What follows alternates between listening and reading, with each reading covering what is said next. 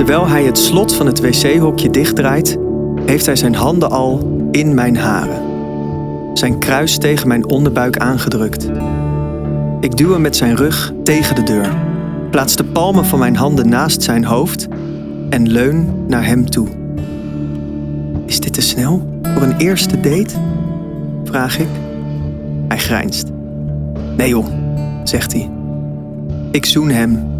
Ik proef de tomatensoep die hij net heeft opgelepeld. Ik til zijn shirt op, mijn handen gretig over zijn warme buik en ik zak op mijn knieën. Zijn handen grijpen in mijn haar. Zijn nagels snijden in mijn schedel als ik zijn broek openrits en zijn pik tevoorschijn haal.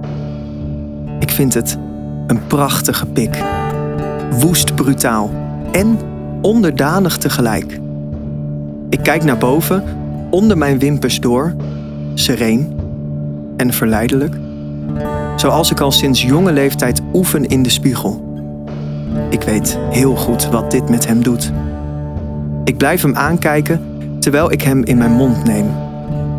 Zie hoe hij zijn hoofd vol overgave in zijn nek legt en tegen de deur van het wc-hokje aanleunt. Hij kreunt, net iets te hard. Ik knijp in zijn bovenbeen. Hij moet stil zijn. Het is een populair Italiaans en dus druk restaurant.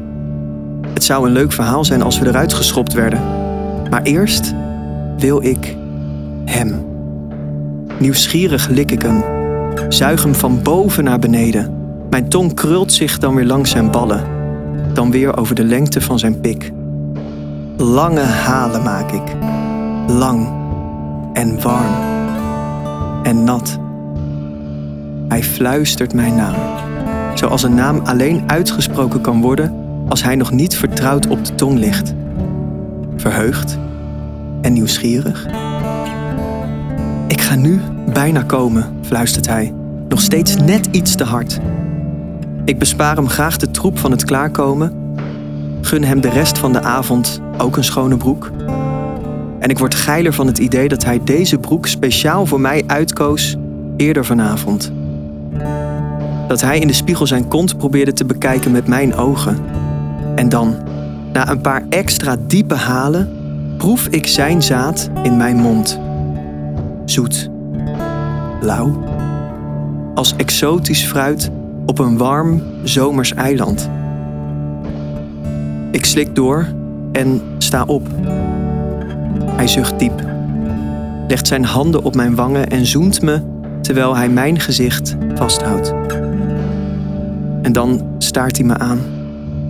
Hij heeft grote donkere ogen en hij zegt: Jij krijgt straks een heerlijk toetje. Ik trakteer. Hij haalt de wc van het slot af en we bekijken onszelf even vlug in de spiegel die boven de wasbak hangt. Hij knipoogt. En dan lopen we samen terug het restaurant in. Vond je deze podcast interessant? In de 3FM-app vind je er nog veel meer. Zoals deze. Jij moet vanaf nu geen fouten meer maken. Lesbie. We komen er als lesbische meiden vaak niet al te best vanaf in films en series. Maar hoe staan we er anno 2021 voor? Welke vooroordelen zijn nog springlevend en wat gaat er wel goed? Dat bespreken wij, Vera en Anne Fleur, samen met een gast om de week in de 3FM-podcast Lesbische Liga. Het is ook zo raar dat het over identiteit en over seksualiteit gaat. En dat dat elkaar raakt, maar ook soms helemaal niet.